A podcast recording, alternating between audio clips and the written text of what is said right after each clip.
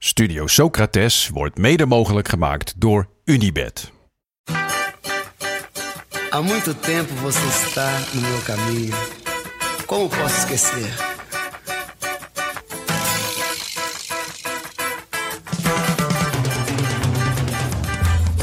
Welkom bij Studio Socrates, een podcast over alles wat voetbal mooi maakt. En ja, het WK in Qatar is lelijk, maar toch hoor je ons komende weken elke dag want we laten het voetbal niet van ons afpakken. Met vandaag dag 8 van het WK in Qatar.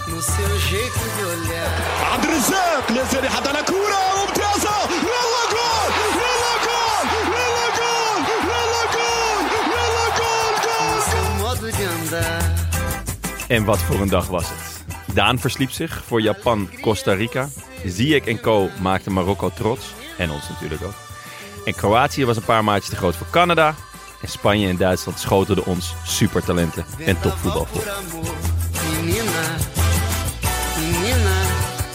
We beginnen deze aflevering met een vraag aan Daan. Hoe, Oh, eh, hoi Daan. hoe, eh, hoe, Hey Jonne. hoe gaat het Hey, met je? Jasper. Inmiddels eh, ben ik aan het opkrabbelen. en ik kijk rechtsboven op mijn laptops, laptopscherm en het is nu eh 7 over 10 s'avonds.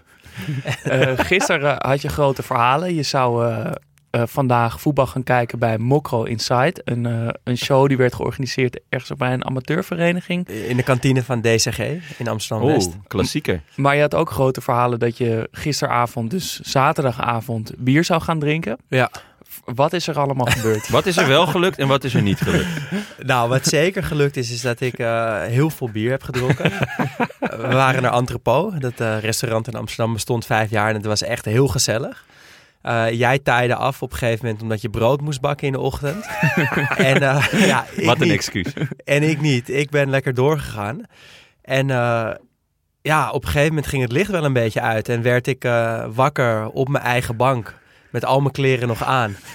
en toen ben ik opgestaan. Ben ik in bed gaan liggen. Hoe laat was dit? Geen idee. Geen idee. Nee. En toen eh, werd ik eh, wakker. En toen dacht ik, nou, ik ben blij dat ik thuis ben. Verder eh, weet ik eigenlijk niet zo heel veel meer. En toen keek ik op de klok.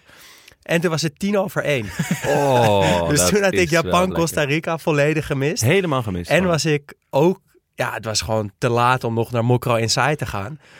Dus gewoon waar ik me al het hele WK op verheugd heb. Om, Je had allemaal grote praatjes. Je loopt er al twee weken Ja. over op te scheppen dat je daarheen gaat. ik, zou, ik, ik had ook vijf kaarten gekocht. Ik zou met, vri- met Oh, je moest vrienden, ook kaarten ja, ja, met vrienden zou ik daarheen gaan. Ik had er heel veel zin in.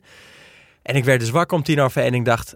Oké, even kijken hoe lang het fietsen is. Nou, ruim een half uur. Toen dacht ik, oké, als ik me nu binnen 20 minuten uit bed kan trekken, dan red ik het nog. Maar het was echt niet te doen. Maar dan hoofd heb je de hele- plofte uit elkaar en eh, ben lekker eh, weer terug van de bank. weer naar het bed en weer terug naar de bank. Ehm, Japan, Costa Rica. Eh, ja, je analyse. nee, daarom hebben we Jonne erbij gevraagd vandaag. eh, Oh, ik heb mezelf aangeboden. Nee, dat is waar. Je bent er. Maar het is een beetje ondersteuning voor Daan. Want Ja. we, we, denken niet dat hij Nee, veel waard ik, is eh, vandaag. ik, kan, ik heb alles gezien behalve Japan, Costa Rica. En ik heb er ook veel over te vertellen. Gelukkig. ik heb eh, Japan, eh, Costa Rica dus ook gemist. Want, Jij stond eh, brood te bakken. Ik stond brood te bakken Ik vanmorgen. ben gewoon was weer aan het die, werk. eh, die het wekkertje had gezet. Die gewoon weer die meters maakt voor het Nou, team. Ik, ik, ik was dus ook op dat feest. Ja. Ik had ook bier gedronken. Ja, ja, maar lekker. toch stond ik om acht uur eh, in de keuken. Ja. Dus een Ja, klein beetje respect. Daarna klein heb ik alles teruggekeken. Ehm, en zit ik hier eh, fris en fruitig. Fijn dat jij er ook Mooi, bent. even die blik naar Daan ook. Ja, het is, moet, even, moet het toch een beetje invrijven. Ehm, fijn dat je er bent, in ieder geval Jonne. Toch leuk weer met z'n drieën. We gaan naar ons Panini-item, want het is de laatste keer dat Panini de voetbalplaatjes verzorgt. We hebben aan het begin van het WK een pakje gekocht. Dat zijn vijf kaartjes. En elke dag stemmen we daar weer eentje uit en komt er een nieuwe van een nieuw geopend pakje. Dat we die dag openen, komt er weer in. Onze huidige selectie ziet er zo uit. Frenkie de Jong, Yuto Nakatomo, Alexander Mitrovic, Alireza Jahanbaks en het glitterkaartje van Argentinië. Onze nieuwe aanwinst. Lekker. Ik heb al een keer een eh, glitterkaartje eruit gestemd. Dat werd me niet in dank afgenomen. Nee, dat kan je Ehm, eigenlijk niet maken. Want ik vind, ik vind eigenlijk dat het vijf spelers moeten zijn. Dat staat beter. Dus ik, maar ik, luister naar jullie. Ik hou Argentinië er nog heel even in. Maar degene die eruit gaat is, was de man van de eerste week misschien wel. Maar heeft het vandaag niet laten zien. En dat was niet geheel zonder gevolgen. Dus Yuto Nakatomo gaat eruit. Ja, ze hebben gewoon eh, gefaald vandaag. Ze hebben gefaald en eh, nou, daar gaan we het straks over Dat hebben is, wat de eh, consequentie daarvan Nou is. ja, dit is alvast de consequentie. Hop, eruit. het is Ja, is- keihard. dit en is- Jasper Sillissen erin. Nou, dat is wel grappig, ja. Want die, dat- die zit gewoon in ons nieuwe pakje. Kinkerlelijk ik, ik, ik pakje, heb een aantal eh, dagen geleden verteld dat er af en toe spelers in een pakje zitten die helemaal niet op het WK zitten. Sillissen zat er dus opeens in. Nou ja, die komt echt nooit in ons elftal. Eh, ver- verder Wu Yo van Zuid-Korea, Farouk Ben Mustafa van Tunesië, Tilo Kehrer van Duitsland en Lucas Paqueta. Maar even, we gaan er gewoon aan voorbij dat er iemand Wayo heet. er doet gewoon iemand mee. Dit, die heet Wayo? Wayo. Ja, ja dat is de keeper van Zuid-Korea. Ja, volgens mij. korte reactie Jasper. Joh. Wayo. Nee, maar Paqueta, die, eh, ik ben heel blij dat hij speelt bij Brazilië. Eh, komt ook in actie eh, morgen weer. Dus die eh, verdient een plekje in ons Panini-elftal. Die wordt eh, ja, de opvolger van eh, Nagatomo. Ja, je was een paar, een paar dagen geleden toen eh, de opstelling van Brazilië bekend eh, werd. Toen appte jij gelijk van yes, Paqueta Ja. speelt. Dus wat dat betreft... eh, Mooi, dat hij, mooi ja, dat hij erin komt. Zeker. Nou, dan gaan we het nu uitgebreid hebben over Japan, Costa Rica. Nou, twee van de drie hier aan tafel hebben de wedstrijd geheel gemist. Jonno, kan je er In twee kort zinnen, iets over ja. zeggen? In twee zinnen. Nou, het was niet veel soeps. Het was eh, Japan wou wel, drong aan, was eh, beter. De eerste helft is er echt, echt heel weinig gebeurd. Eh, tweede helft, eh, ja, wel. Ja, Japan drong echt aan. Een paar kansen. Eén echt, dat is denk ik mijn aller, aller, allerlievelingsonderdeel van het voetbal, omdat het ook heel zelden gebeurt. Een scrimmage. Er was echt Ja. een klassieke scrimmage met chaos en redding op de lijn en net geen handsballen. En eh, eh, ja, mensen die stierven en dachten yes en toch weer niet. Ja, dat vind ik echt... eh, wij oefenden het vroeger wel eens in de eetjes en de deetjes. Op het eind van de training, dan mochten we nog even scrimmage. En dan was het gewoon iedereen in de vijf meter. Ja, je had natuurlijk gewoon nog twee teams, want allemaal een hesje. En dan gooide de eh, trainer gooide de bal zo hoog mogelijk erin. En dan gewoon kijken, één team moest verdedigen en dan moest scoren. Nou, dat was echt genieten altijd. Ehm, en eh, nou ja, Japan was echt veel beter. Costa Rica ook weer geen schot op goal op één. Nou, ik zou het niet eens een schot willen noemen na. Ehm, Het was erg grappig, want ze hebben een nieuw... Nou, ze hebben heel veel statistieken. Er zit ook een chip in de bal. Dus ze eh, kunnen ook rotaties en effect weergeven. Maar ook de snelheid van de bal. Ja, Ehm, Costa Rica heeft op goal geschoten. Een... Ja, ik zou het niet eens een schot willen noemen, maar het was 34 kilometer per uur. terwijl er ging, was vandaag ook een schot bij Duitsland wat Ja. de 100 even aantikte. Ja, dat is wel echt bizar hard. Maar ehm, eh, eh, volgens mij bij, wat was het? Was bij Kroatië, die goal van, van buiten de 16, die was iets van rond de 80. Nou ja, dat is verklaarbaar dat je de- die dan niet houdt. Maar dit was een soort van schot meets een stift. En de keeper van Japan, ja, we hadden er hier vroeger een, eh, een, een uitspraak voor. Daar kon geen krantje onder. Eh, en dan, als het echt heel slecht was, zondagskrantje. En dit was echt een zondagskrantje. Hij timed volledig verkeerd, denk ik. Want hij ging alweer naar beneden terwijl de bal nog Ja. aan het stijgen was. Ehm, misschien dacht hij dat de bal harder was. Dat zou natuurlijk kunnen. Dat, het, dat hij zich verkeek op de, de langzaamheid van de bal. Want hij dat hij maar alweer- echt inpaaste eigenlijk. ja, dat, eh, want hij ging alweer omlaag, die keeper. En hij zit er nog aan met zijn vingertjes. Maar ook niet heel veel meer. En toen was natuurlijk alle hands aan dek eh, eh, bij Japan. Maar ze konden eigenlijk geen vuist meer maken. Ze hadden gewoon een gigantische kans om Duitsland uit te schakelen. En die hebben ze gewoon laten liggen. Echt ja, en, een, eh, eh, zonde, want daardoor lag de, de spanning toch iets minder op die we- laatste wedstrijd veel van vandaag. minder, ja. Ehm, die hadden we graag willen verliezen. zien. Ja. Ja, ehm, maar hoe, we gaan straks wat verder over die pool hebben. Maar laten we door naar de twee uur wedstrijd Marokko-België. Ehm, dus eerst maar over België. Ja, ik vind eh, België gewoon eigenlijk een heel zwak elftal. Wat nog een beetje de vermomming draagt van een topelftal. Al, al weet ik niet zo goed wie dat dan nog. Wie bepaalt dat dat nog een soort van topelftal is? Want dat is het gewoon echt niet Nou, meer. er zijn natuurlijk drie topspelers. Eh, Courtois, Ja, hoewel we daarna vandaag misschien Ja. wel eh, eh, over kunnen twijfelen. de Bruyne. Kevin De Bruyne Zeker. en Lukaku. Het, het, het moeilijke vind ik, denk ik, met De Bruyne... en dat hebben wel meer spelers die heel goed zijn onder Guardiola... is dat je bij Guardiola wel in een heel typisch systeem voetbalt. Heel en veel eigenlijk vastigheid. heel veel vastigheid. En je- dat je eigenlijk elke dag in een soort van warm bad komt. Ja, En je merkt gewoon aan de Bruyne dat hij heel erg zoekende is. Hij speelt echt niet best. nee. Hij had ook, hij had ook eh, ehm, gewoon uitgesproken in een interview volgens mij Ja. tijdens of vlak voor het toernooi. Voor- dat ze gewoon geen schijn van kans maken om eh, wereldkampioen te dat worden. ze gewoon te oud zijn. Dat Ja. is al best wel een heftige uitspraak. Als, Zeker. als jij eh, eh, het moet gaan doen voor, voor je land. Maar het is wel echt waar. En, da- en Martinez heeft, heeft wel echt gefaald. Want hij heeft en niet doorgeselecteerd. Nee, dat vooral toch? Daardoor gaan ze uitgeschakeld worden waarschijnlijk. Als het niet nu is, dan nou ja, snel daarna. Ehm, en het is ook nog wel zo dat die, die spelers daar zelf... Natuurlijk zullen ze blij zijn, hè, zo'n Witzel, dat hij erbij is. Maar eigenlijk is hij er ook een beetje de dupe van. ja. Want, want het begint echt pijnlijk te worden. Ja. Echt een paar van die spelers waaraan je ziet van... Jullie zijn te lang doorgegaan. En dat is Ja. deels de schuld van Martinez. Die, die had gewoon door kunnen selecteren. Heeft goede vervangers staan. Bijvoorbeeld die Onana, die het heel Ja. goed deed. En hij heeft zes jaar lang de- met de gouden generatie van Ja. België mogen werken. En het eigenlijk gewoon niet zo goed gedaan. Een kwartfinale, een halve finale en dan nu... Ja, een groepsfase of misschien een achtste finale dan nog. Maar dat gaat al heel eh, lastig worden. Ja, ik vond wel dat de trainers te veel op elkaar leken vanaf de achterkant. Ik zat tijd te kijken wie is nou Martinez, wie is nou Rick Rauwi. Ja. Eh, zullen we ook even naar Paling luisteren? Die was er toch wel goed eh, kapot van. Ha mannen, Paling hier. We zijn ongeveer een uurtje na de match België-Marokko. Ik ben toch wel een beetje aangeslagen. Het was niet goed. Het was weer niet goed. Eh, tegen Canada hadden we dan nog geluk dat we die overwinning kunnen beetnemen. Vandaag niet. Vandaag was het geluk voor Marokko. Marokko was ook niet goed eigenlijk, vond ik. Ehm wij hadden meer balbezit, dus we stonden beter. We waren beter aan de match begonnen dan tegen Canada. Al kan je de vraag stellen, ligt dat dan aan een betere ingesteldheid, de, de, de inbreng van Onana? Of ligt het misschien gewoon aan het feit dat Marokko minder hoog prest dan Canada?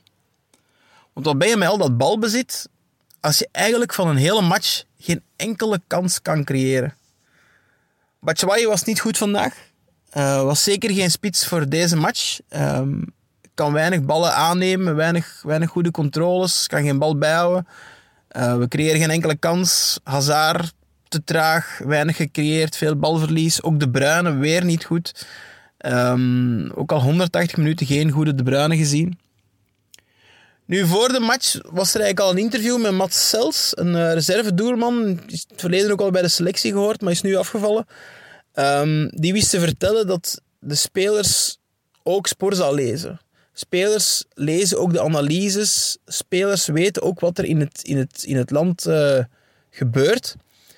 Dus daardoor dat er overal alle analyses zijn op BBC, op Sporza, op de NOS. eh, dat we te oud zijn, dat we het niet gaan halen, dat we over de top zijn. Spelers lezen dat ook. Dat Hazard het niet gaan halen. Eh Hazard heeft zelf al twee keer gezegd dat hij, dat hij misschien zou tevreden zijn met een plaats op de bank in, in, in plaats van, van Trossard dan bijvoorbeeld. Kruipt dat dan niet allemaal in de hoofden van de spelers? Vandaag hoorde je Jan Vertongen na, na afloop van de match ook zeggen ehm, dat nu de aanval misschien te oud was. Dus duidelijk, duidelijk alluderend op het feit dat er overal in de media verschijnt dat de, de verdediging te oud zou zijn. En ook vlak na de match kan je dan op Sporza een polletje aantreffen. Geloof jij nog in onze kansen van de Rode Duivels op de volgende ronde? En die titel is dus eigenlijk al compleet verkeerd. Want die titel impliceert al dat Sporza er zelf niet meer in gelooft. En het antwoord van, van de lezers, of, ja, of de, de mensen uit het publiek, is dan 75% gelooft er niet meer in in de volgende ronde. En dat is dus bedroevend. En spelers gaan dat ook lezen. En misschien is daar het probleem ook wel. Misschien geloven er te weinig meer in. Misschien hebben we wel de kwaliteiten nog, maar misschien geloven de spelers er weinig ook in, omdat het publiek er ook niet in gelooft. Dus hoe moet het nu verder? Ik weet het niet. Ik ben gelukkig de trainer van België niet. Ehm, ik hoop alleen op een, eh, een knalprestatie eh, tegen Kroatië. Het zal moeilijk worden, dat, dat geef ik lief toe. Ehm, en misschien, misschien gaat Martinez eens durven. Ik vond dat hij vandaag toch al gedurfd had de Ronano te laten starten, maar misschien durft hij eens met Rossard te starten. En wie weet, al gaat die jongen alleen het verschil niet maken, maar Ehm, we moeten er meer in geloven en dan hopen op een knalprestatie tegen Kroatië. Groetjes, Paling. Zo. Paling is pissig. Zo Ja. hebben we hem nog niet eerder gehoord. Nee. Ja, en ook, maar ook aangeslagen. Ja. Ik vond zelfs een H-mannen klonk niet, Nee, niet des Palings. Nee, nee, nee. Ja, en, en het is ook terecht. Eh, en Paling is wel heel schattig, een beetje nog aan het, eh, aan ja, wat kan er beter, hoe kunnen we dit nog omdraaien. Maar de fouten zijn al gemaakt. En dit, dit is gewoon eh einde verhaal België. Nou, dat viel me ook op. Ik, ik zat een- te kijken op, eh, op, op één en, eh, of van, van de Eén. Belg.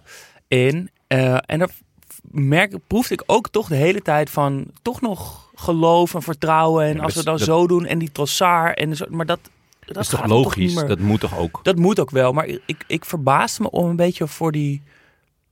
Dat het, dat het een beetje, misschien een beetje een soort blinde vlek is geworden. En dezelfde commentator zei op een gegeven moment in de wedstrijd. Toch grappig dat Hazard zijn prestatie in de eerste wedstrijd door de buitenlandse media door de mangel werd gehaald. En bij ons toch objectiever kon worden beoordeeld. Wij zagen tenminste hoe hard hij werkte. Dat is, Dat geeft precies aan hoe fout het zit bij België. dat is, is toch raar. En, want ja, hard werken, tuurlijk, maar niet goed genoeg. En hoe, hoe is België objectiever daarin dan de buitenlandse media? Dat is Ja. natuurlijk ook een beetje scheef. Dit is trouwens ook dezelfde commentator die pas na een half uur door had dat Bounou niet speelde.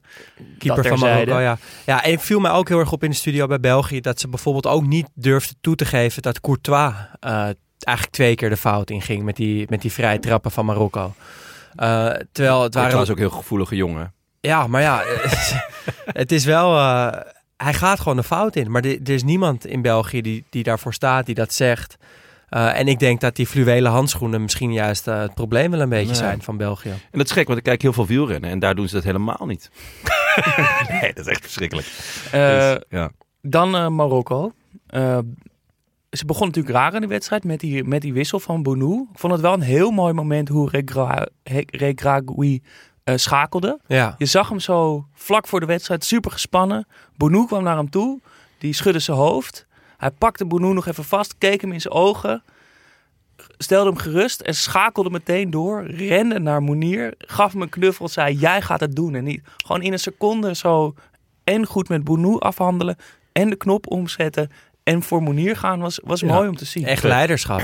ik, ik heb wel, eh, dus ik ben niet naar Mokro Insight geweest, maar ik heb wel hun analyses in de rust en de afloop eh, opgezet op YouTube, livestream. En die, eh, die waren ook heel positief over, over de keeper die erin kwam. Hij heeft ook al in 2018 eh, was, hij, was hij eerste keeper. Hij heeft WK-ervaring. Ehm, ja, en hartstikke knap hoe hij het gedaan heeft. En Marokko sowieso heel knap. Wat zie ik toch wel weer het symbool van Marokko, omdat ze, komen zo, ze moeten zo hard werken om tot kansen te komen. En zie ik die neemt daarin het voortouw. Want gaat ook weer een hoop mis. En ook bij die actie waaruit de 2-0 komt, denk je, ja, wat ga je nou weer doen in je eentje? En nu lukt het wel. Ja. En eh, schiet Abu Klam eh, hem heerlijk in, 2-0. Laten we het eerst even over die twee bijna identieke goals hebben. Die, nou, eentje werd afgekeurd en daarna eh, dan wel de 1-0. Toch grappig, een, een variant die ik eigenlijk nog niet, niet kende. Indraaiende bal en dan iemand bij de eerste paal zetten die niet kopt. Maar het wel de keeper zo moeilijk maakt. Misschien is dat wel... Voor een keeper. vers- Ja, het is heel moeilijk. Dus ik weet ook niet in hoeverre je het een fout van eh, Courtois kan noemen. Maar ik kan me voorstellen dat dit een variant is die we nu vaker gaan zien. Ja, ik heb hem al wel eens eerder gezien. Ehm, maar dat het ik zo vind- bewust ook niet koppen is, maar gewoon Ah, daar zo. gaan staan. Ja, ja. Ja, ik, ik vind vanuit die positie ten eerste altijd indraaien. Gewoon altijd indraaiend nemen. Ik snap, eh Nederlands elftal deed ook weer een paar keer dan toch weer uitdraaiend. Terwijl als je hem gewoon keihard voor die goal of richting de goal schiet met, met, met veel effect. Dat is verschrikkelijk voor een keeper. Want je moet eigenlijk gokken. En eh, als hij hem raakt, eh, zit hij, als hij niet raakt, zit hij ook. Dus een keeper, ja, het is 50-50 wordt het. Ja, Dus nou, en, helemaal als er dan nog iemand ingewikkeld komt doen bij de Ja. eerste paal. Eh, en dan dus ook nog die 2-0, wat, wat toch niet een goal was die uit een soort alles of niets voetbal van eh, België voortkwam. Was gewoon een goede aanval. Van Marokko bedoel je? Ja, Ja, zeker. Ja, wat ik Ja. net al zei. je zou denken dat, dat België van bank gaat spelen en dat er dan ruimtes kwamen. Maar dat, dat was helemaal niet zo. Dat was gewoon ook een goede goal. Ja, ja ik eh, vond het een heerlijke goal. Ja, nee, ik zit natuurlijk de hele tijd naar zie ik te kijken. En inderdaad, hij probeert en hij probeert en hij probeert. Ehm, En er mislukt een hoop. Dat, dat, dat ja, moeten we ook eerlijk in zijn. Maar ja, dan op het allerlaatst, dan maakt hij dan toch die beslissende actie met die, die goede voorzet. Die trouwens ook echt heel mooi af werd gemaakt.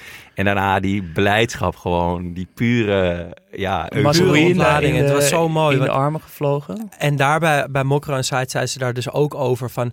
Ziyech kan daar gewoon nooit meer stuk. En dat komt Nee. omdat hij... eh, hij had basisspeler bij het Nederlands elftal kunnen worden... maar heeft gekozen voor Marokko. Ja. En heel vaak moeten spelers die keuzes maken... te- ja, terwijl dat voel, bijvoorbeeld El Ghazi Ja. gaat dan nu waarschijnlijk toch voor Marokko spelen... maar dat komt natuurlijk omdat hij het bij het Nederlands elftal niet gered heeft. En Ziyech had dat wel makkelijk kunnen doen... en heeft alsnog voor Marokko gekozen. Dus hij, hij is gewoon alleen daarom al de grote held eh, Ja. bij hun. Eh, ook mooie uh, tafereelen na afloop. Regragui die viel Henri in de armen. Dat, die eh, omhelst elkaar uitgebreid. Eh, Lukaku trouwens ook bij, met Amrabat, die een geweldige wedstrijd speelde. Ik vond die ook, ook heel mooi. mooi. Ik denk Ja. die zullen elkaar vanuit de Serie A kennen. En eh, ja, Amrabat heeft... Nou ja, ik wil, zal, wil niet zeggen dat hij Modric echt uit de wedstrijd speelde, maar kon hem goed bijbenen in de eerste wedstrijd tegen Kroatië. En hij heeft De Bruyne eigenlijk wel een soort van uit de wedstrijd gespeeld. Dus het is echt eh, heel knap van hem. En aan de bal ook eh, het enige minpuntje, die rellen, maar daar hoeven we het verder niet te veel eh, over te hebben. Dan eh, de vijf uur wedstrijd Canada-Kroatië. Het begon vliegend. En Ja. uitgerekend eh, de grote man die deed het, Davies. Alleen daarna draaide stom. Ja, wel een schitterende goal gelijk van Davies. Ja, prachtige goal. Toch? Ik bedoel, eh, ik weet niet. eh, eh, Daan, heb jij wel eens met je hoofd gescoord? Zeker. Ik vind dat er... Niet zo vaak, maar... Nee, ja, ik, ik, ik, ja, toch wel regelmatig. En er is bijna geen gevoel lekkerder dan dat. Dat je zo in de lucht hangt. Dat En- je die bal raakt en je weet, oké, die gaat nu gewoon tegen dat net. Ja, en hij kwam, hij kwam ook zo mooi de 16 insprinten. Ja. En dat, sowieso vond ik dat bij Canada mooi. Dat ze belegeren die 16 met, met, met vijf, zes spelers steeds. Er zit zoveel tempo in. En toen ze die 1-0 maakten, toen, toen dacht ik ook... Ja, ik vind Canada eigenlijk het leukste elftal van dit WK tot nu toe. Omdat ze zo aanvallend spelen met allemaal Ja. spelers die ik niet echt kende nog. Die gewoon heel goed zijn. Uh, waarvan ik die Eustachio, die middenvelder, echt de allerbeste vind. Ja, die heeft dan wel gewoon ook een basisplek bij Porto. Dus dat had ik misschien kunnen verwachten. Maar ik kende hem eigenlijk nog niet. Echt de leider van het elftal. En toen hij, toen hij in de rust eruit ging, was het ook wel duidelijk dat het, uh, dat het klaar was uh, met, met toch, Canada. Je voelde het eigenlijk ook wel... Ik, ik voelde het al voor de wedstrijd van, oh ja, Canada gaat weer lekker aanvallen. Die gaan misschien ook wel een doelpunt maken. Maar ja, de Ja, er ervaring zit gewoon... Ja. Oh, ik had echt het gevoel van... Ja, ze gaan weer een hele leuke wedstrijd spelen. En ze gaan met helemaal niks naar huis. Ja. Maar Ja, het, is, het was misschien wel ook een, een, nou, een perfect voorbeeld, of misschien een van de perfecte voorbeelden van de twee stijlen op dit WK. Of eigenlijk een beetje het verhaal van het toernooi wat we zo zien. Aan de ene kant fris en onervaren, onbevangen voetbalplezier. En aan de andere kant degelijk vertrouwen, ervaring, voetbalintelligentie. Ja, ik, vind, ik vind met name ervaring tegen niet-ervaring. Het is natuurlijk Canada's eerste WK. Ja, maar er zit ook een iets, Weet iets veel, vaak bij. Ja, en iets, ja, en iets, ook iets cynisch bij de andere kant. We hebben het gezien bij Saoedi-Arabië, Argentinië, bij Ecuador, Nederland, bij Verenigde Staten, Engeland, bij Iran, Wales, bij Japan, Duitsland. Ah, het is- was allemaal, allemaal dit- heel dat- negatief voetbal ja, van, positief, van de... fris tegen ervaren en misschien dus een klein beetje cynisch. Ehm, en ik dacht misschien gaat het land wel kampioen worden wat het het beste allebei die di- twee dingen kan Ja, eh, in zich heeft. En dat is toch wel Frankrijk ben ik bang. Ja. ja, moet ik wel zeggen dat uh, helemaal mee eens. Ik vind het echt een mooie analyse van, uh, van die wedstrijden. Maar Kroatië, die, die spelen ook wel precies zoals ze horen te spelen. Die, die zijn heel geduldig met ja. gewoon aanvallen met 30, ja, 20, 30 passes voordat ze een beetje bij die 16 komen. Maar dat, dat is ook de enige manier waarop ze kunnen spelen. En dat doen ze heel goed. Um, en ik denk dat ze uh, Eng België naar huis uh, gaan voetballen komende week. Oeh la la la la la. Het einde van Paling.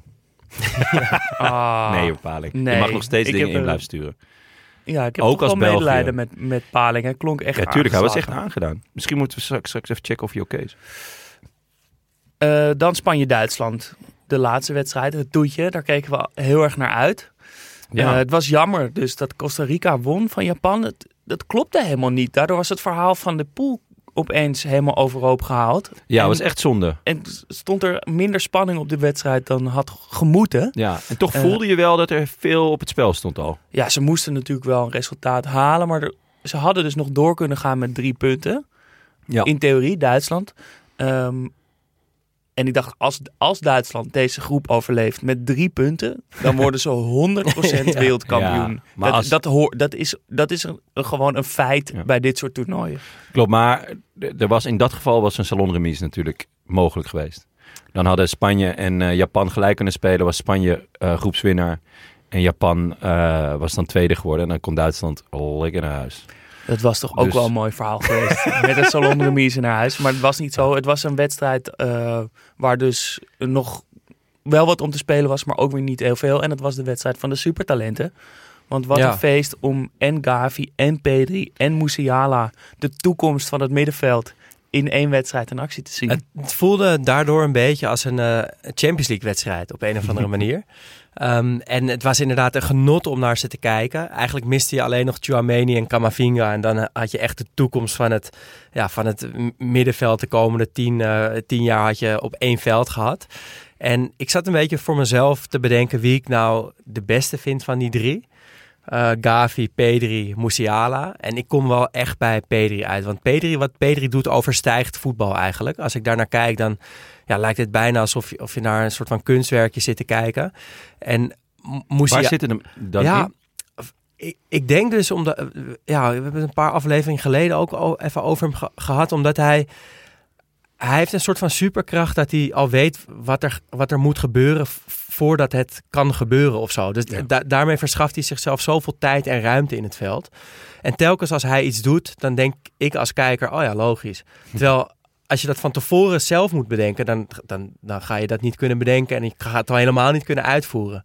Er was En- één moment in de wedstrijd waar het super duidelijk was. Want ik heb het jou dit eerder horen vertellen. En niet dat ik erop zat te letten, maar hij ergens rond de 30ste minuut had hij de bal. Begon hij aan een dribbel, draaide zich vast en verloor hij de bal op het middenveld. En ik dacht, oké, nou ben wel benieuwd wat hij nu gaat doen. En wat je volgens mij vaak ziet, is dat spelers dan keihard achter die bal aan gaan rennen om hem proberen terug te veroveren.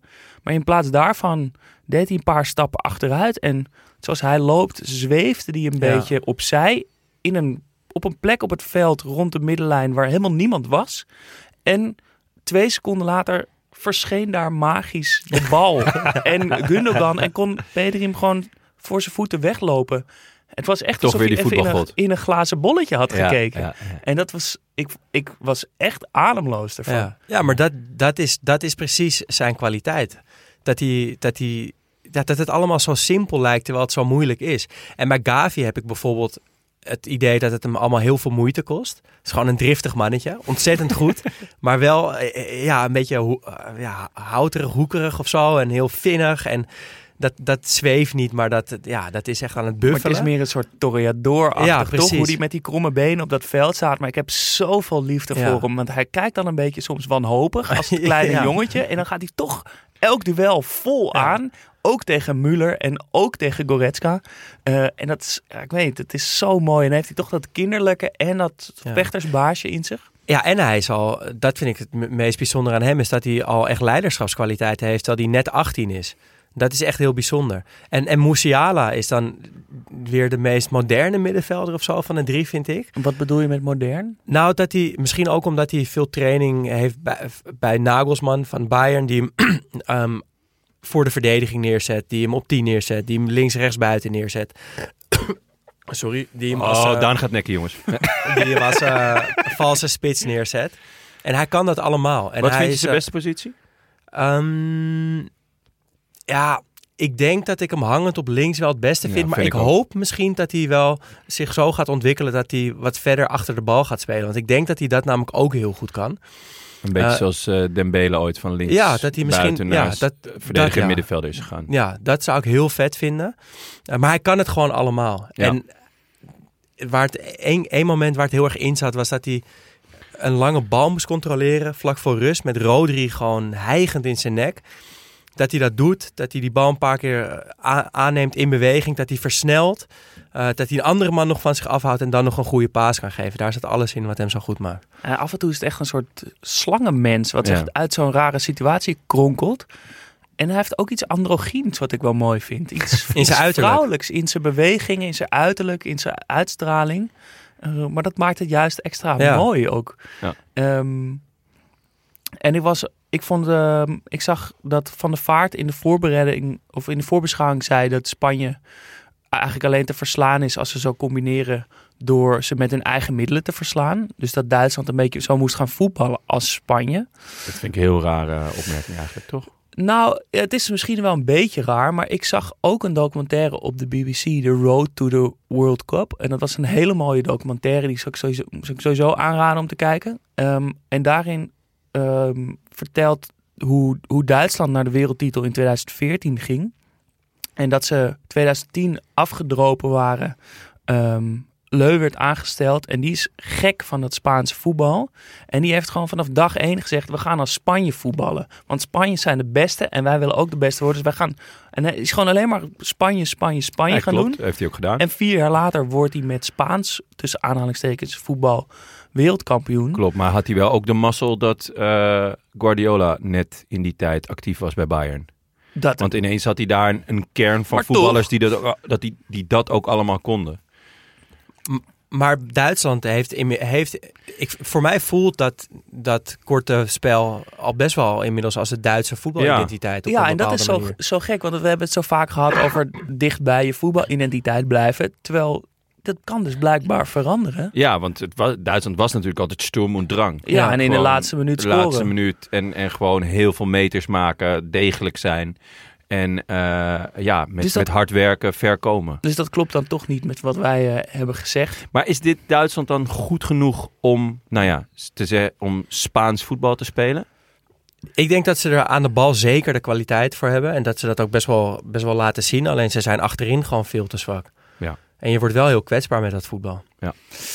Ehm, nog even fijn dat Morata scoorde. Ja, en Vervelende spits, ook. maar in het nationale elftal heb ik heel veel sympathie voor hem. Ja. Ik gun het hem ook echt. En andersom ook. Gunnen we het Voelkroek volgens mij ook Ja, heel erg. het en is zeggen. het ook een geweldig Ja. verhaal dat hij dat doet dan. Ja, zeker. En hoe? Net een, nou, hij oogt als een, als een rugbier eigenlijk.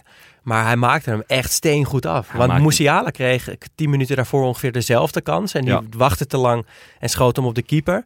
En hij gewoon ja, met zo'n strakke vreef, boem de kruising in. gewoon, echt goed afgemaakt. dan zie je gewoon het verschil tussen een, een, eh, een complete middenvelder Ja, en een spits. En een echte spits. Een spits die denkt niet na, die weet gewoon... Oké, dit heb ik duizend keer gedaan. Dit heb ik tienduizend keer gedaan. Ja. En ik ga het nu weer exact doen zoals ik het de vorige 999 keer heb gedaan.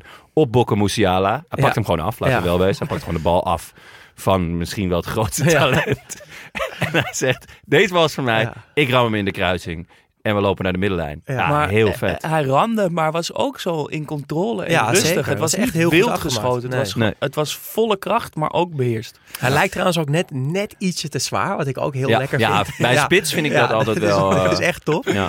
En, ja, en met dat gebit hebben we het al vaker Ja. over gehad. Het is echt eh, een- een cultheld in wording. Ja, sowieso de mo- paar mooie uiterlijke figuren wel bij, eh, eh, bij Duitsland natuurlijk. Ik ben Een soort bang. van Noah Mogen Lang jullie- op eh, linksback. Ja, Ah, en jullie mogen best weten ik, dat ik best bang ben voor Rudiger. Ja, Oh, ik snap doodsbang. Echt eh, gewoon een heel enge man. En natuurlijk Slotterbeck. Slotterbeck. Ja, ik heb ze al, eh, ik heb ze al benoemd in, in eh, de eerste aflevering. Dat ik ze een beetje een soort Pro Evolution Soccer voetballers vind. Ja. Waar ze dus het spel, dat dat de licenties niet heeft. En dan maar Duitse voetballers is gaan bedenken. en dan kom je dus bij Slotterbeck, Sule en Raum uit. Die soort van uit Qua een naam algoritme en van, wat Duitse Ja. voetballers zijn. Maar dan net niet Ja, helemaal. maar hij heeft wel een heel smal hoofd, hè? En een heel smal hoofd. Heel smal hoofd. Wat bij rennen natuurlijk chill is, omdat je aerodynamisch bent. Maar bij koppen heb je minder, minder raakvlak. Dus dat is dan wel, valt dan wel weer tegen. We gaan naar de afsluiting.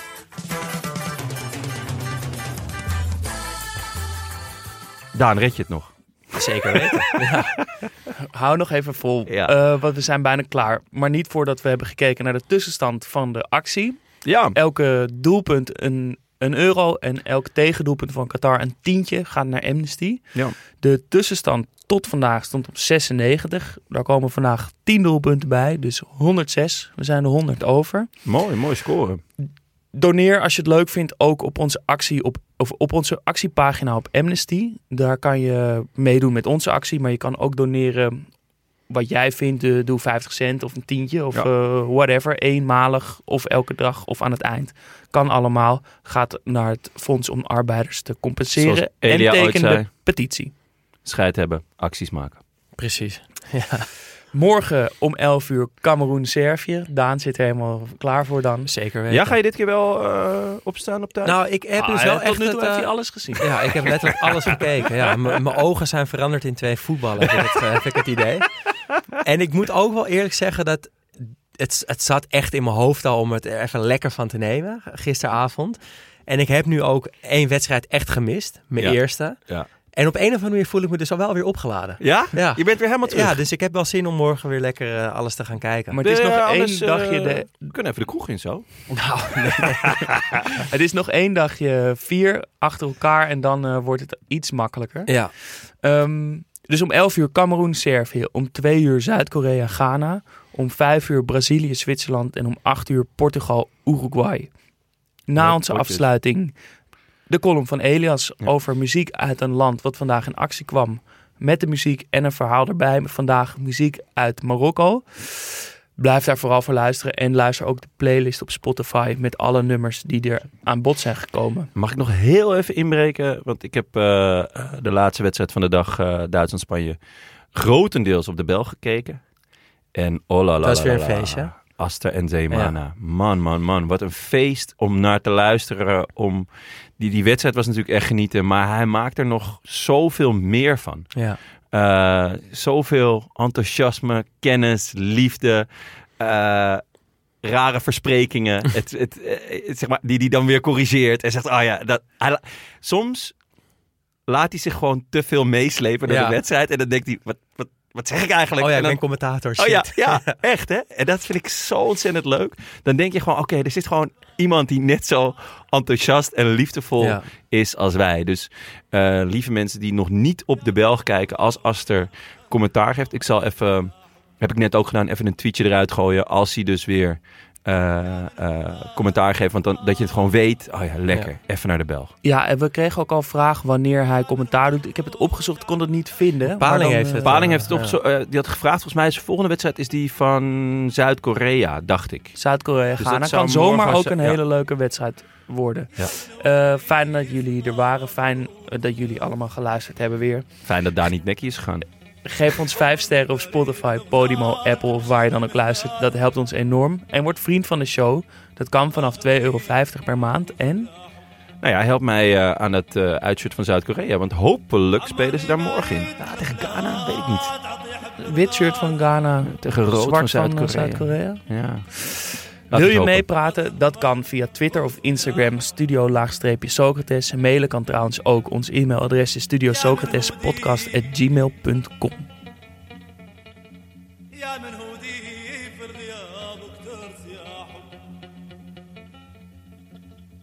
In deze aflevering dalen we af naar het land van mijn ouders, Marokko. In mijn jeugd stond er heel veel muziek op bij ons thuis. En iets dat mijn vader vaak draaide was de band Nestle een groep ontstaan in het Casablanca van de jaren 60. Een tijd waarin kunstenaars zich steeds bewuster en politieker begonnen te uiten. Nestle Rieuwen waren voorlopers in deze sociale beweging. Hun liedjes waren doordrongen van poëzie, geïnspireerd door het soefisme, maar bevatten ook kritiek op de corruptie van het postkoloniale Marokko. Hun composities zijn uitgesponnen, gemaakt om je in een trance te brengen. Het is ook niet moeilijk om weg te dromen bij die alsmaar tokkelende banjo's en hun bedwelmende samenzang. Fun fact, Martin Scorsese is fan en noemde ze ooit de Rolling Stones of Africa. We gaan luisteren naar mijn lievelingsliedje van Nestle Rieuwen, genaamd Finga Dibia Goya, vertaald als Waar breng je me heen, broeder? Tot morgen. En oh ja, Dima Maghreb. فين غادي بيا خويا فين غادي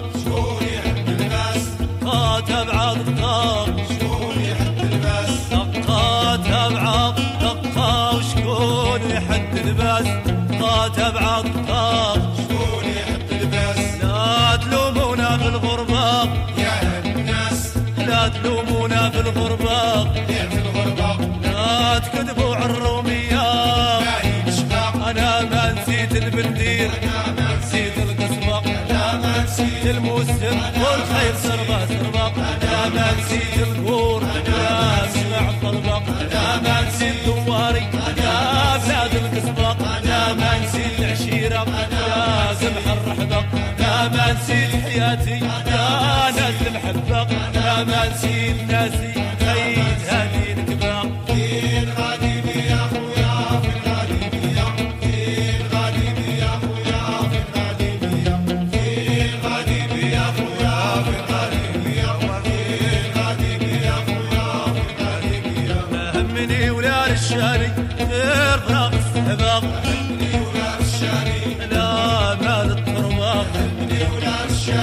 pasada